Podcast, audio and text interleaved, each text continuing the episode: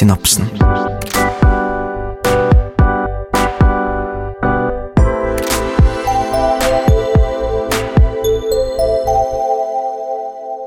Hallo og velkommen til Synapsen, Høgskolen Kristianias egne psykologipodkast. Jeg heter Nora Østby, og med meg i dag har jeg deg, Lars Dæhlie. Ja, hallo. Ja, oi! Der, hei! Wow, der var du Jeg er coming down from corona. Ja, ja, og det er deilig å høre på masse kremting. Vel, velkommen tilbake. Ja. Nå er det lenge siden. Det begynner å bli veldig lenge siden. Nå var det koselig at vi fikk gjort dette igjen. da. Nå lurer jeg på hvordan det går med deg. Det går bra med meg. Jeg har ikke hatt crowns, sånn som deg. Nei. Heldigvis. Jeg klarte å holde meg unna denne gangen. Men eh, ja, med deg da, åssen går det? Jeg hadde jo veldig flaks med den koronaen min, egentlig. Ja. For jeg ble ganske sjuk. Jeg lå med feber. Og så var det matcha helt med perfekt når det var fotball-VM hver dag. Så var det to kamper Har du sett på fotball-VM, Lars? Må jo boikotte det. Jo, nei, så vidt jeg skjønte det, så kan du se på det så lenge du ikke legger det på Facebook at du ser på det sånn. Mm, å ja, det er sånn det funker. Men nå sier de podkast. Å ja, ok, det veit jeg ikke. Men jeg lå på sofaen, så var det kamp øh, fire, og så var det kamp åtte. -hmm. Så jeg lå i senga sånn fram til første kamp, hadde feber, pælma inn på Paracet. Og så så jeg kamper i sånn Paracet-feberrus. ja, Så det føles som jeg har vært på ferie eller noe. Jeg har ikke gjort noe annet. det er sykt. Jeg har liksom vært borte en uke. Ja. Ja. Ja, det altså, det er jo deilig at du, altså, at du har hatt det sånn at du kan føle at du har vært på ferie da, når du har vært sjuk. Det er jo ikke alle som, som blir sjuk på den måten. Det er ikke hvordan man har det, det er hvordan man tar det. Ja, det er sånn det Ja, nettopp, ja. Mm. Ja, Men så Men- du har ikke vært så dårlig? Eh, jeg hadde ganske bra feber og sånn. Ja. Uff. Men eh, hvordan, eh, hva skjedde med deg siden sist? Siden sist Nå er det jo ganske lenge siden, da. Det har vel, jeg håper jo det har skjedd en del, men øh, jeg kommer jo ikke på så veldig mye, da. Mm, Hva med dating? Det, er jo litt nysgjerrig på. ja, det er det jeg liksom får fortsatt- spørsmål om. Er det fortsatt ikke noe? Hva sa du? Er det fortsatt ikke noe? Det er fortsatt ikke noe. Jeg har lasta ned Tinder. Oh, ja? mm. Jeg laster jo det ned sånn innimellom. Sletter det, laster det ned igjen. Ja, ja, Nå har jeg bestemt meg for at nå skal jeg beholde det. Nå skal jeg ikke gi opp. Jeg gir liksom opp, for jeg blir sånn øh, Nei, du må ha den til det er kommer det matcher. vet du. Ja, det er det. liggende. Liggende. Plutselig dukker det opp. Plutselig er drømmeprinsen der. Har det skjedd noe, dere? Nei, altså det har ikke skjedd noe, men jeg har blitt invitert på en date. Har du det? Mm. Ok. Så... Fortell. Nei, det er ikke så mye mer å si ennå, da. Jeg får heller fortelle når, når jeg har vært Eh, på date. Eh, skal dere på date, da? Ja, tror det. Jeg tenkte oh, ja. faktisk på um, eh, å, å invitere til å dra på denne korktrekkeren. Som Ja, vi jo ja, snakka om i en annen episode, for å prøve å um, få i gang litt sånn misattribution of arousal. Kjempebra. Men korktrekkeren er stengt, så må prøve å finne på noe annet eh, smart. Jeg dro i fjor på buldring, sånn Mm. lavterskelklatring. Ja, Eh, det er også misattribution of arousal, da. ja.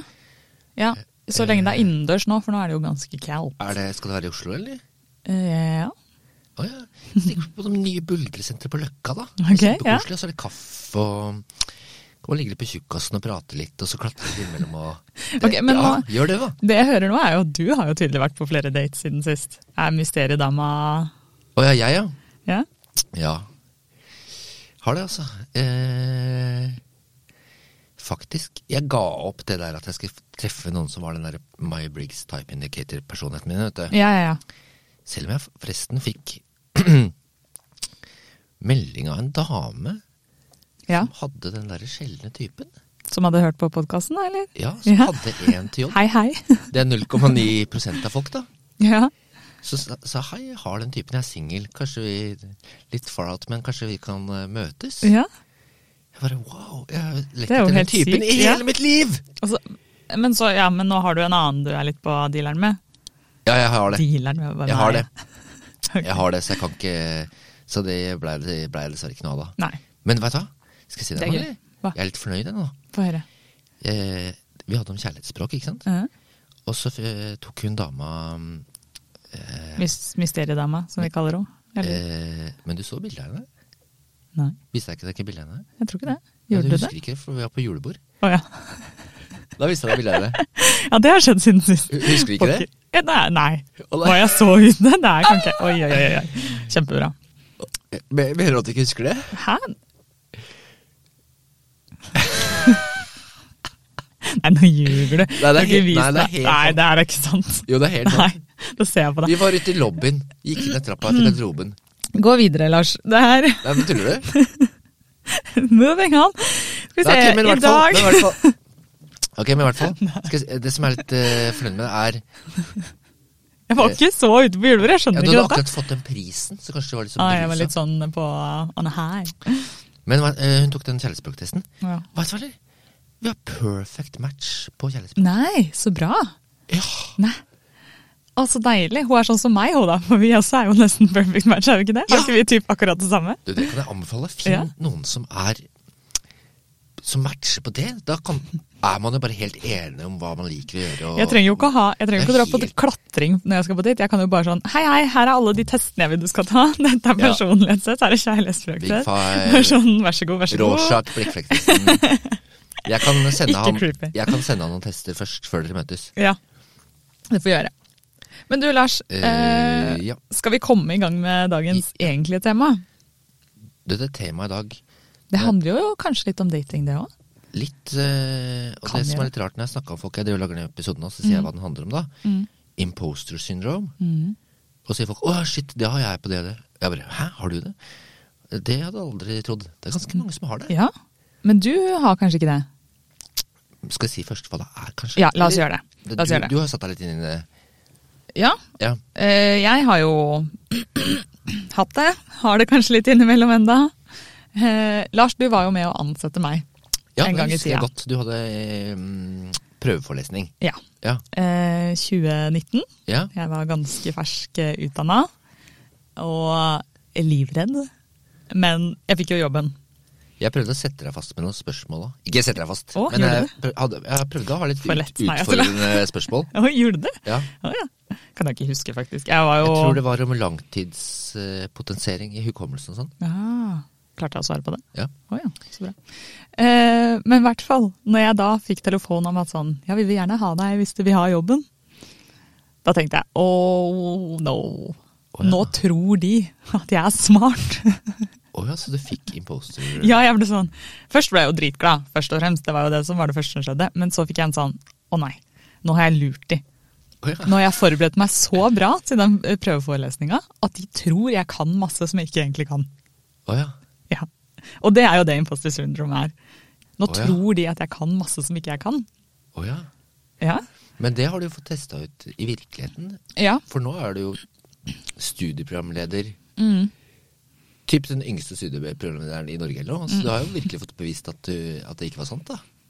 ja, men allikevel noen ganger så føler jeg litt sånn ah, Ikke gi meg det ansvaret her, nå tror dere at jeg kan noe jeg ikke kan.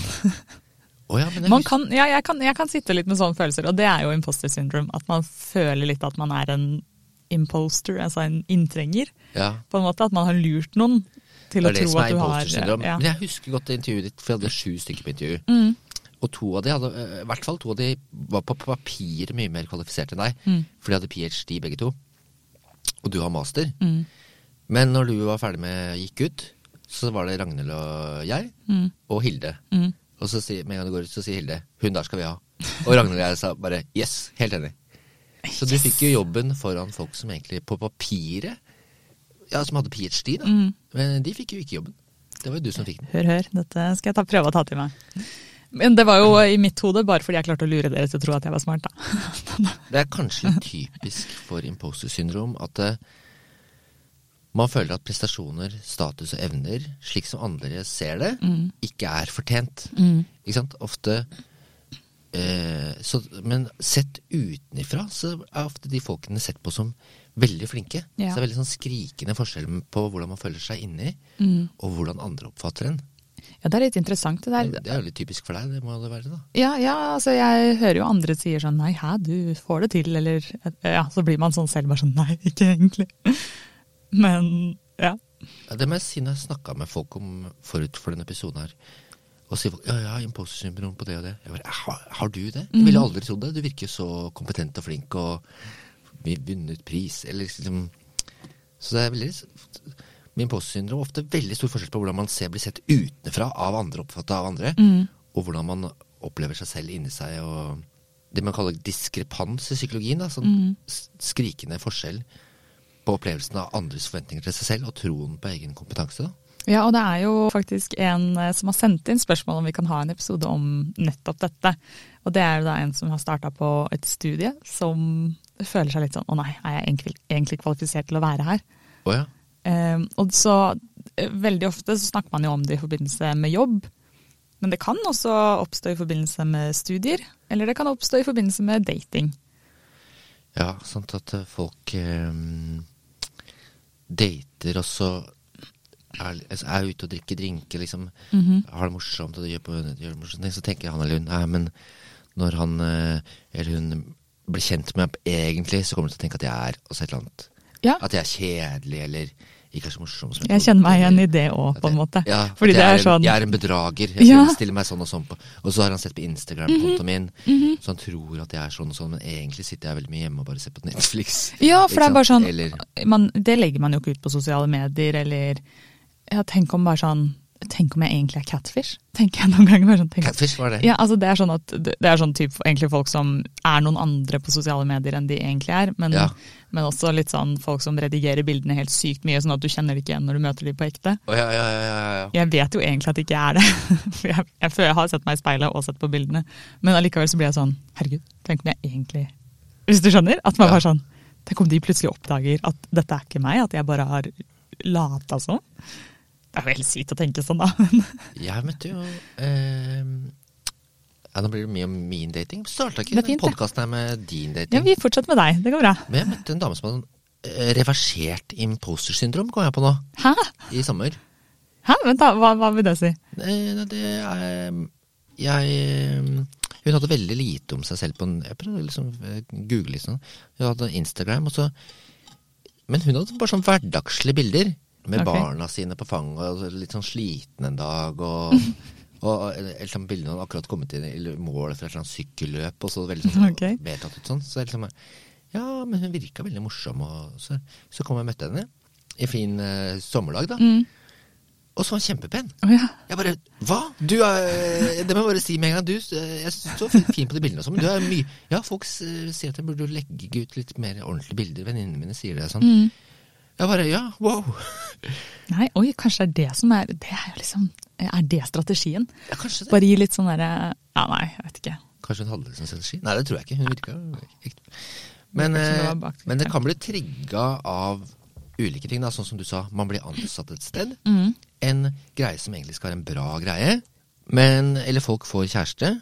Ja, eller for en forfremmelse, eller liksom forfremmet på jobben, kan trigge det. Jeg har hatt en del pasienter med det. Eller vinner en pris. Liksom. Noe som egentlig på utsiden er veldig bra, og alle er sånn ja, ja, kjempebra, gratulerer, sånn. Og så inni seg så føler man nei, dette er ikke bra. Jeg kommer til å bli avslørt. Det er som keiserens nye Ja, ja, ja, absolutt. Jeg kommer til å bli found out. Ja. Jeg lurer, jeg er en bedrager, på en måte. Men dette er jo vanligere blant noen folk enn andre. Er det ikke det? Er det liksom Eller er, er det sånn at dette Jeg blei overraska da jeg gjorde litt research på det. mm, Det man kaller high achieving yrker, da. mm, Som vil si særlig sånn akademia, du er advokat. mm. Så er det 25% lider av en eller annen grad av imposter syndrom. 25 En av fire. ja. Det er ganske mange. Og etter at jeg har prata med folk forut for denne episoden, her, så tror jeg at dette er sant, faktisk. Ja. Ja, jeg også har liksom, og det er jo litt sånn i vinden nå at folk begynner å ha hørt om dette begrepet. Og så begynner man kanskje å få litt sånn å ja, dæven, kanskje jeg også har det, liksom.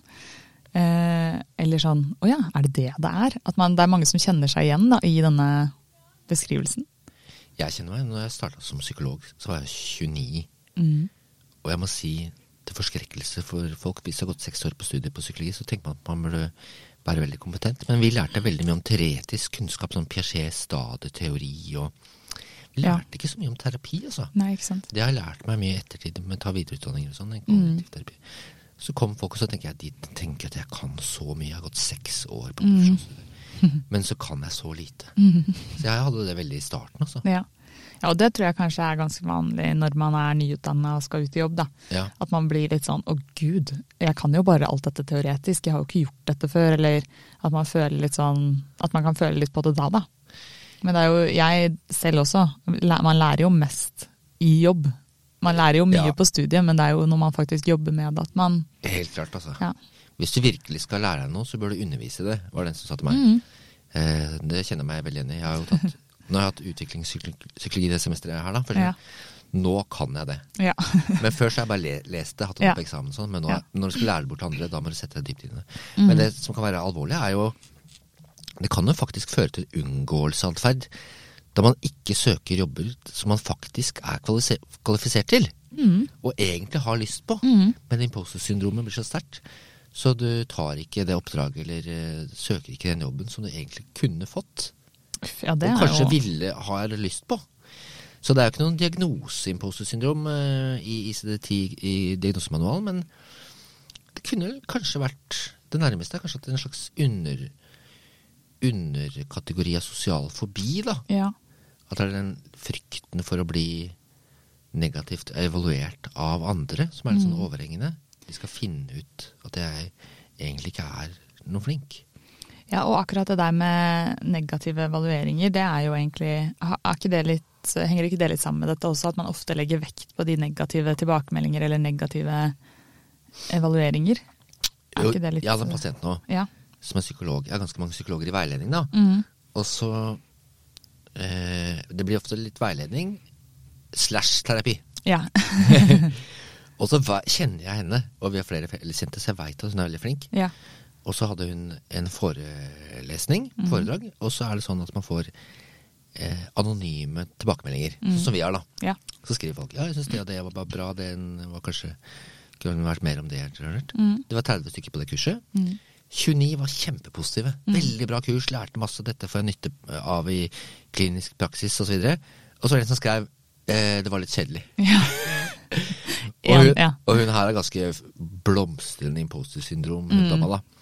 Så hva henger hun seg opp på da? Jo, den ene negative ja, i stedet for de 29 positive. For det bekrefter kanskje litt det man er redd for selv, da. Det er vel det som Det blir confirmation bias som bekreftelse bias. Ja. Man bekrefter, selv om det statistisk 1 i forhold til 29. Man burde egentlig gitt helt beng i det. mm. Men eh, nei da, det gjør ikke hun. Så det er litt trist, da. Burde egentlig vært kjempeglad. Jeg fikk 29 positive meldte tilbakemeldinger. Mm. Wow. Ja, ikke sant. Det er jo egentlig så mye positivt, og så er det allikevel sånn at det, det negative overstyrer, da. Ja. Men du har jo vært litt inne på det, og at det ikke er en diagnose, men det ligger jo en del psykologiske mekanismer, som du også sier ligner litt på sosial fobi på noen ting. Mm. Eh, Det ligger noen psykologiske mekanismer bak dette. Hva, hvilke er det liksom som er Du ser ofte at eh, eh, attribusjon Det er veldig sånn psykologisk begrep, da, men det er et veldig viktig begrep. Attribusjon betyr hva man tillegger som årsaker til at noe skjer. Eh, og det, de som har imposter-syndrom, er ofte hvis de har suksess, ting går bra, eh, så tillegger de det ytre faktorer. Ikke inni seg selv. De attribuerer. De tillegger det faktorer som flaks, god timing, var heldig, det var ikke noen andre som søkte på jobben, jeg fikk god hjelp fra andre og sånn. Så når ting går bra, så tillegger de det ytre faktorer utenfor seg selv. Men så ting går dårlig, nederlag, feiltrinn, jeg fikk én dårlig tilbakemelding, da tillegges det indre personlige årsaker. Det er meg, det er min feil, jeg var ikke bra nok. Og den formelen der, tillegger suksess til ytre faktorer og nederlag til indre faktorer, er liksom oppskrift på at det blir veldig sånn forskjell på hvordan man ser seg selv og hvordan man blir sett utenfra. Da. Og det som er litt spennende, er når du ser på attribusjonsstil, eh, så er det veldig knytta opp mot selvtillit. Ja. Og så gjør man eh, studier, f.eks. Hvilke land tror du har best selvtillit? Innbyggere. Oi. Jeg tror jeg, jeg tror jeg kan avsløre at det er, det er litt som du, du tror. Er det USA? The America! America. USA! Tviler ikke. Tviler ikke litt. studier, eh, og der har de attribusjonsstil når ting går bra. Yes, I'm great. I did it. Mhm. Og når ting går dårlig, er that was a unfair exam. Og... Ja, ikke sant? Men i Asia så er det ofte omvendt attribusjon. Mm. Ting går bra. Nei, det var familien som har hjulpet meg. Og... Ting går dårlig. Nei, det var min feil. Så viste det seg, når japanske studenter drar på utveksling til USA mm. og er der et år, så får de bedre selvtillit. For de tillegger seg er ubevisst den attribusjonsstilen i Ja, USA. Ja. Så de begynner å ta til seg suksess. 'Jeg fikk A på eksamen. Ja, jeg er jo flink. Jeg har jo lest mye.' Ja. Så de får bedre selvtillit av å bo der. Ja. Og omvendt. Amerikanere som drar til utveksling i Japan, de får dårligere selvtillit. For de begynner å attribuere sånn som man gjør der. Så, så attribusjon er en viktig psykologisk eh, mekanisme. Ja, det henger jo sammen med flere ting. Det kan jo henge sammen med depresjon eller eh, andre typer ting også. Det er jo viktig å Ja. ikke alltid legge skyld på ytre faktorer når noe går bra, og alltid skylde på seg selv når noe går dårlig. Det sier jo seg selv at det er jo en negativ spiral, på en måte. I, No- I Norge har vi nok litt sånn, sånn janteloven er Ja. litt sånn der attribusjons... Du får ikke lov til å skryte av deg selv når noe går bra, på en måte. Det er sant. Ja. Det, det eh, janteloven er jo et hinder mot å tillegge suksess indre attribusjon, da. Ja. Men, Ok, men eh, så attribusjon og selvtillit, på en måte. ja. Det er noe som henger sammen med dette med imposter, eh, imposter syndrome. Er det noen andre ting? Eh, det han Albert Bandura kaller eh, self-efficacy, jeg sier ofte det på norsk, men det er vel mestringstro. Ja. Det er vel det som er den eh, mest vanlige oversettelsen. Manglende mestringstro. Eh, som kan eksempel Jeg var og klatra her om dagen. Mm. Og så skulle vi buldre, så skulle vi gå en rute. Så var jeg med en psykolog. Og så er det en som skal gå en rute. Gul rute. Bulder. Og så kommer han halvveis opp, og så henger han veggen. Og så må han ta ganske langt flytt til neste tak. Ja. Og så bare ser det helt på kroppen hans at han prøver egentlig ikke. Oh, ja. Han liksom har ikke tro på det. Nei. Så han slenger opp hånda sånn halvveis. Mm. Og så kommer han ned, og så sier han kompisen min da Du, alle vi er psykologer, da. Det der var typisk sånn self-efficacy error. Ja. Det var, det var ikke fysisk at du ikke greier det, Nei. men du trodde ikke på at du, eh, du trodde ikke nok på det, Mm. og da greide du det heller ikke. Det kan ha ganske mye å si, altså. Den mestringstroa. For hva du får til og ikke. Ja. Veldig, for da fikk han det ikke til. Mm. Og han er, han er ganske lang, så han hadde nådd det flyttet, han had, men han fikk self-efficacy error. Mm. Og det er nok mange som gjør det. De føler lav mestringstro, og så blir det litt sant. Eksempel, man er i jobbintervju. Mm. En litt sånn eh, floskel er å si kvinner som er i jobbintervju, de nedtoner seg selv og egne kvalifikasjoner. Ja. Så man sier kvinner gjør seg selv 50% dårligere enn det det egentlig er i jobbintervju. 50 gift, da. Og menn, de gjør seg selv 50% bedre Ja. enn de faktisk er i jobbintervju. Så menn burde ha litt imposter syndrome. Eh, Nei, jeg Å ja. Nei, jeg tenker ikke. Jo, ja, jo, jo, jo, stemmer det. Eh, men det er litt ond sirkel. ja. For i jobbintervju skal du jo presentere hva, hva du faktisk er bra på. Mm. Og så har du imposter syndrom. Så du nedtoner egne kvalifikasjoner, og så fikk du kanskje ikke jobben. Nei. Akkurat som han kom seg ikke opp den ruta, som Ja. han egentlig har fysiske forutsetninger for. Mm. Så, så det er ikke bare at det eh, opererer inni en person, imposter syndrom. Det kan jo gi liksom ringvirkninger i, i virkeligheten. da. Ja, ja, absolutt. Og det er jo, ja, som sagt, det med og mestringstro er egentlig veldig viktig for, ja, for å oppnå ting, da, og, ja, som å få en jobb, f.eks. Ja. Men eh, det man egentlig snakker om her, for mange høres nok ut som perfeksjonisme. Det er Fordi en det henger jo veldig faktor. sammen. Ja. Det er en annen faktor. Perfeksjonisme Det tror jeg kanskje vi må ha en egen episode om også. Det, Det tror jeg ikke er dumt. Tema, da, men, men den, det underliggende premisset er jo enten må ting være 100% bra, eller så er det dårlig. Ja. Så hvis ting er 95% det er nederlag. Akkurat som hun dama som hadde holdt foredrag og fikk 29 positive tilbakemeldinger, én Mm. negativ. Da gikk det dårlig. ja, skjønner. Så Ja. det er perfeksjonisme. Ting var At det er 97% bra? Nei, eh, da er det dårlig. Så det er en slags underliggende svart-hvitt enten-eller-tenkning. da. Mm. Enten er det 100% eller så er det dårlig. ja, jeg kjenner meg jo litt igjen i det òg, jeg. Ja. Jeg har jo litt sånn det, Jeg syns jo det verste altså, Jeg begynner å bli bedre på det, da. Det skal sies. Når man, ikke, når man får litt trening i å måtte levere litt kanskje mindre enn hva man vanligvis ville gjort. Men det er åh, ja, Jeg liker best å gjøre ting 110% liksom. Som man ville sagt på Paradise Hotel. ja. Skal være meg sjøl 110% ja, Men eh, ja. Men er ikke de ofte seg selv 110 da? De er jo de Det er, er litt sånn Nå kan du jekke det litt ned her. Nei da. person, Personligheten deres blir så polarisert, så de er 110 Ja, det er faktisk sant. Kanskje 180 Nei da, men, ehm, men jeg, jeg kan absolutt se at eh, perfeksjonisme og imposter syndrome henger veldig sammen. Fordi det er jo derfor man på en måte føler at man, man ikke er bra nok, fordi det er på en måte ingenting som er bra nok. da. Nei, og så blir det litt selvoppfyllende profeti. For eksempel, hvis man gjør studier på folk som jobber i akademia, da, sånn som oss, Mm. så man, kunne man tenkt de som er perfeksjonistiske, de gjør det veldig bra. Ja. Sant? Kan de vinne priser og få publisert forskningsartikler i veldig bra journals og sånn? Mm. For de er jo også perfeksjonistiske. Nei, de gjør det dårligere. Ja. Eh, så det er ikke at det er til noe hjelp. For de sitter, den artikkelen blir aldri bra nok, sender deg aldri inn til et Mm. Det blir liggende etter, for alt tar så mye lengre tid, liksom. Og så sender de ikke inn, og så Nei, jeg ble bedt om å holde foredrag om uh, det og det.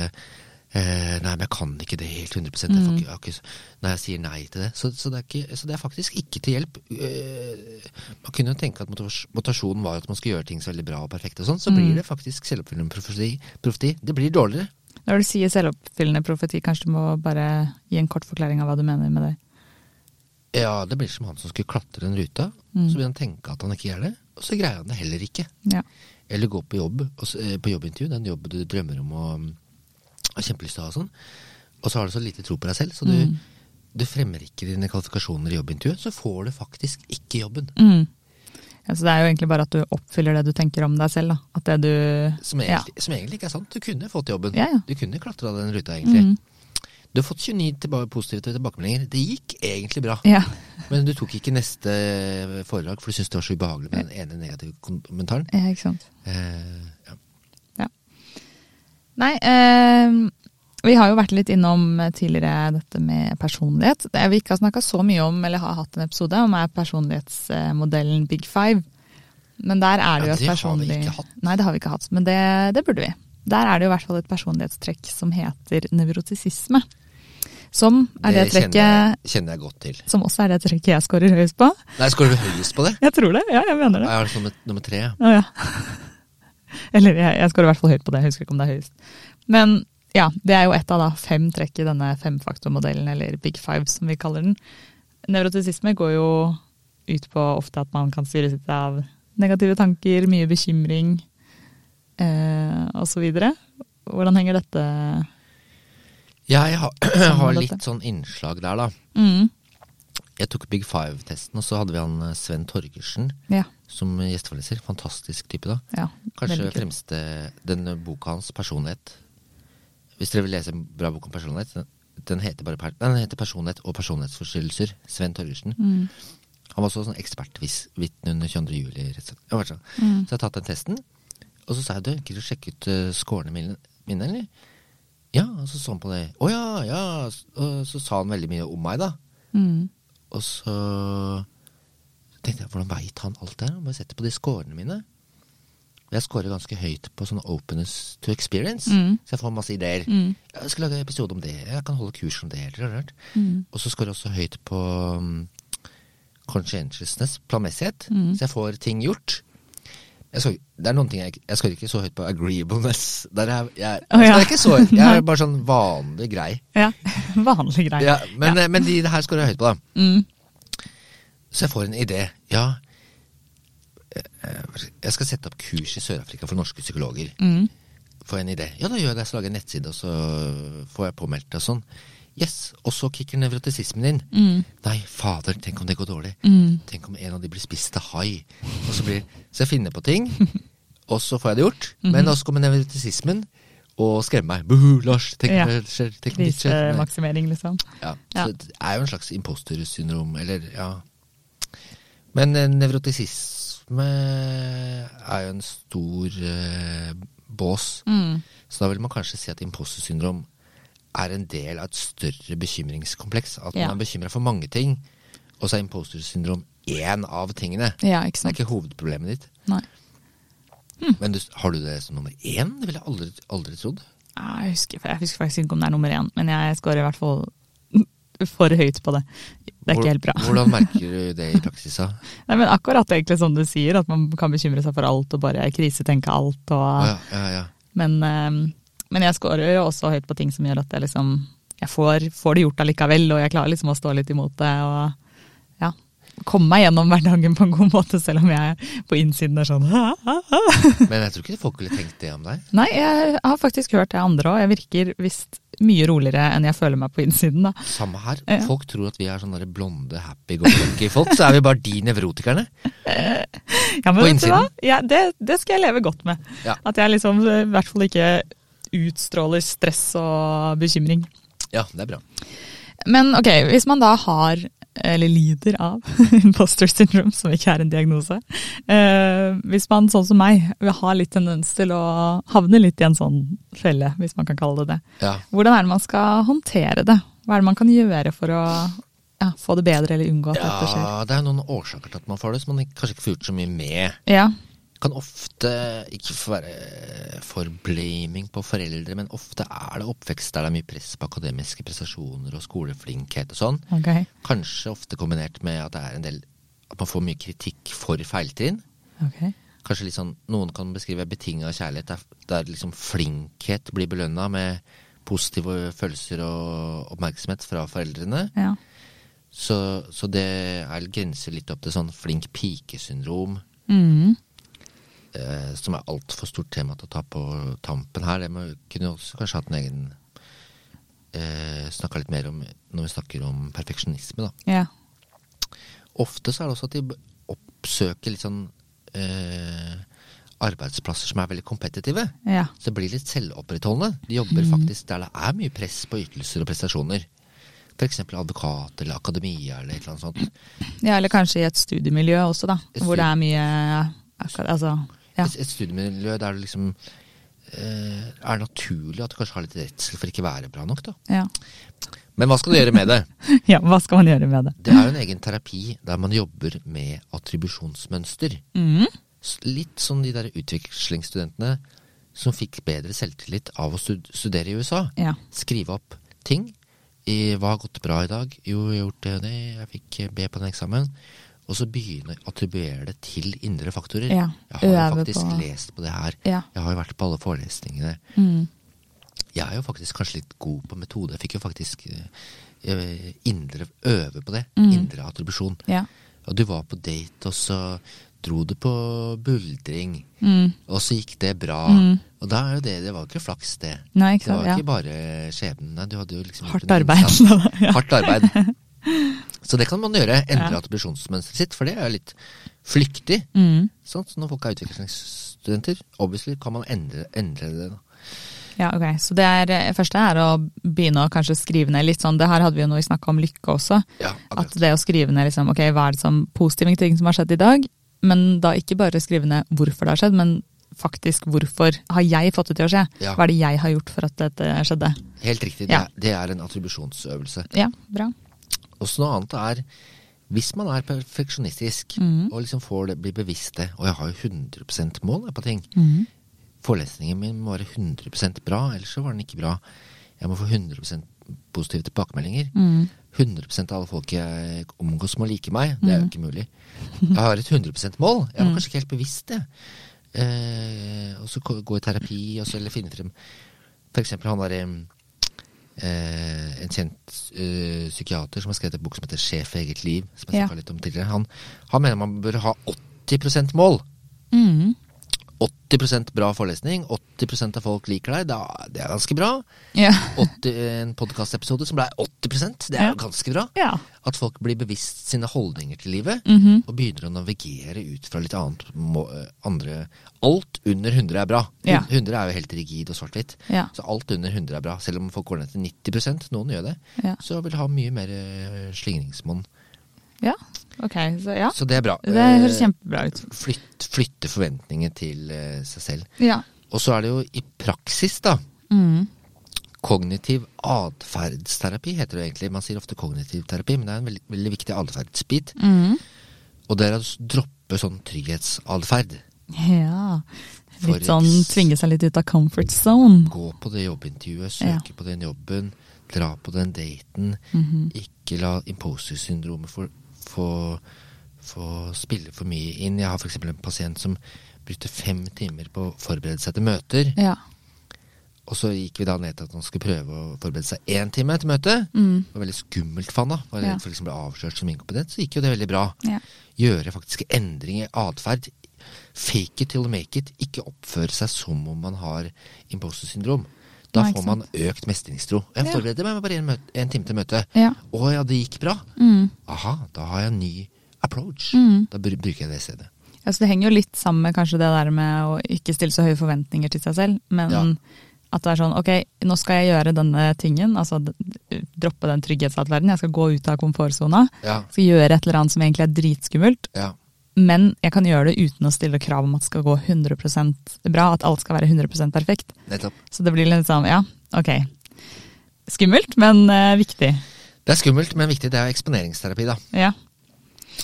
Og så er det eh, affektfobi. Okay. Ubehagsfobi. Tåle at livet går opp og ned. Ja. For sånn er det for alle mennesker. Det går ikke an å velge det. Mm. Hver dag er ikke like bra. Tåle å stå i nederlag. Noen ganger så gjør man det dårlig på jobben, får dårlig tilbakemelding fra sjefen. Mm. Gå på date som ikke blei noe av. Man må tåle det ubehaget.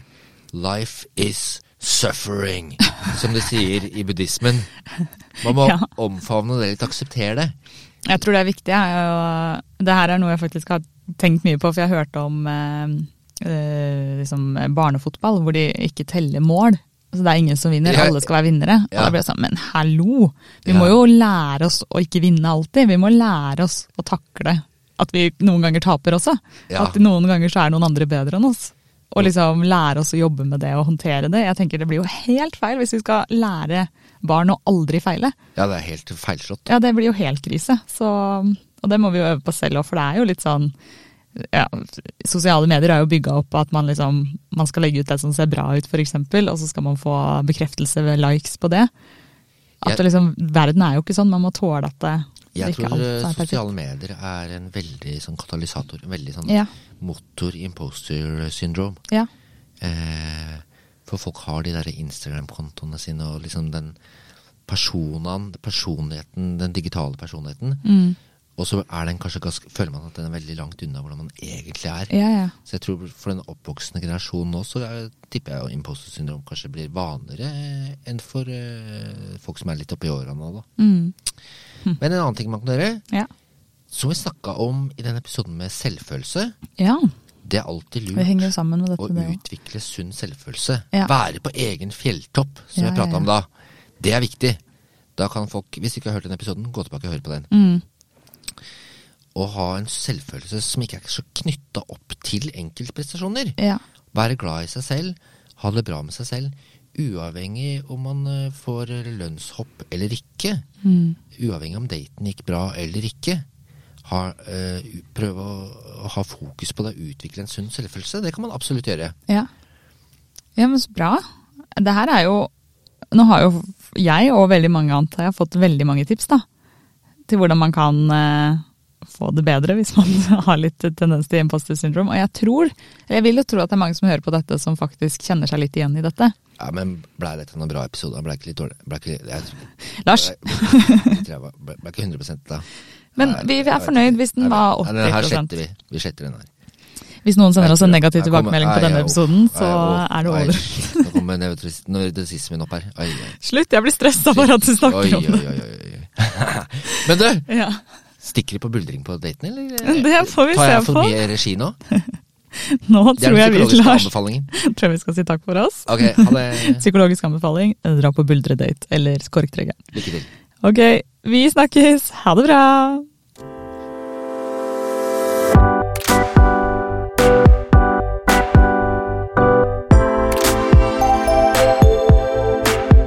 Synapsen.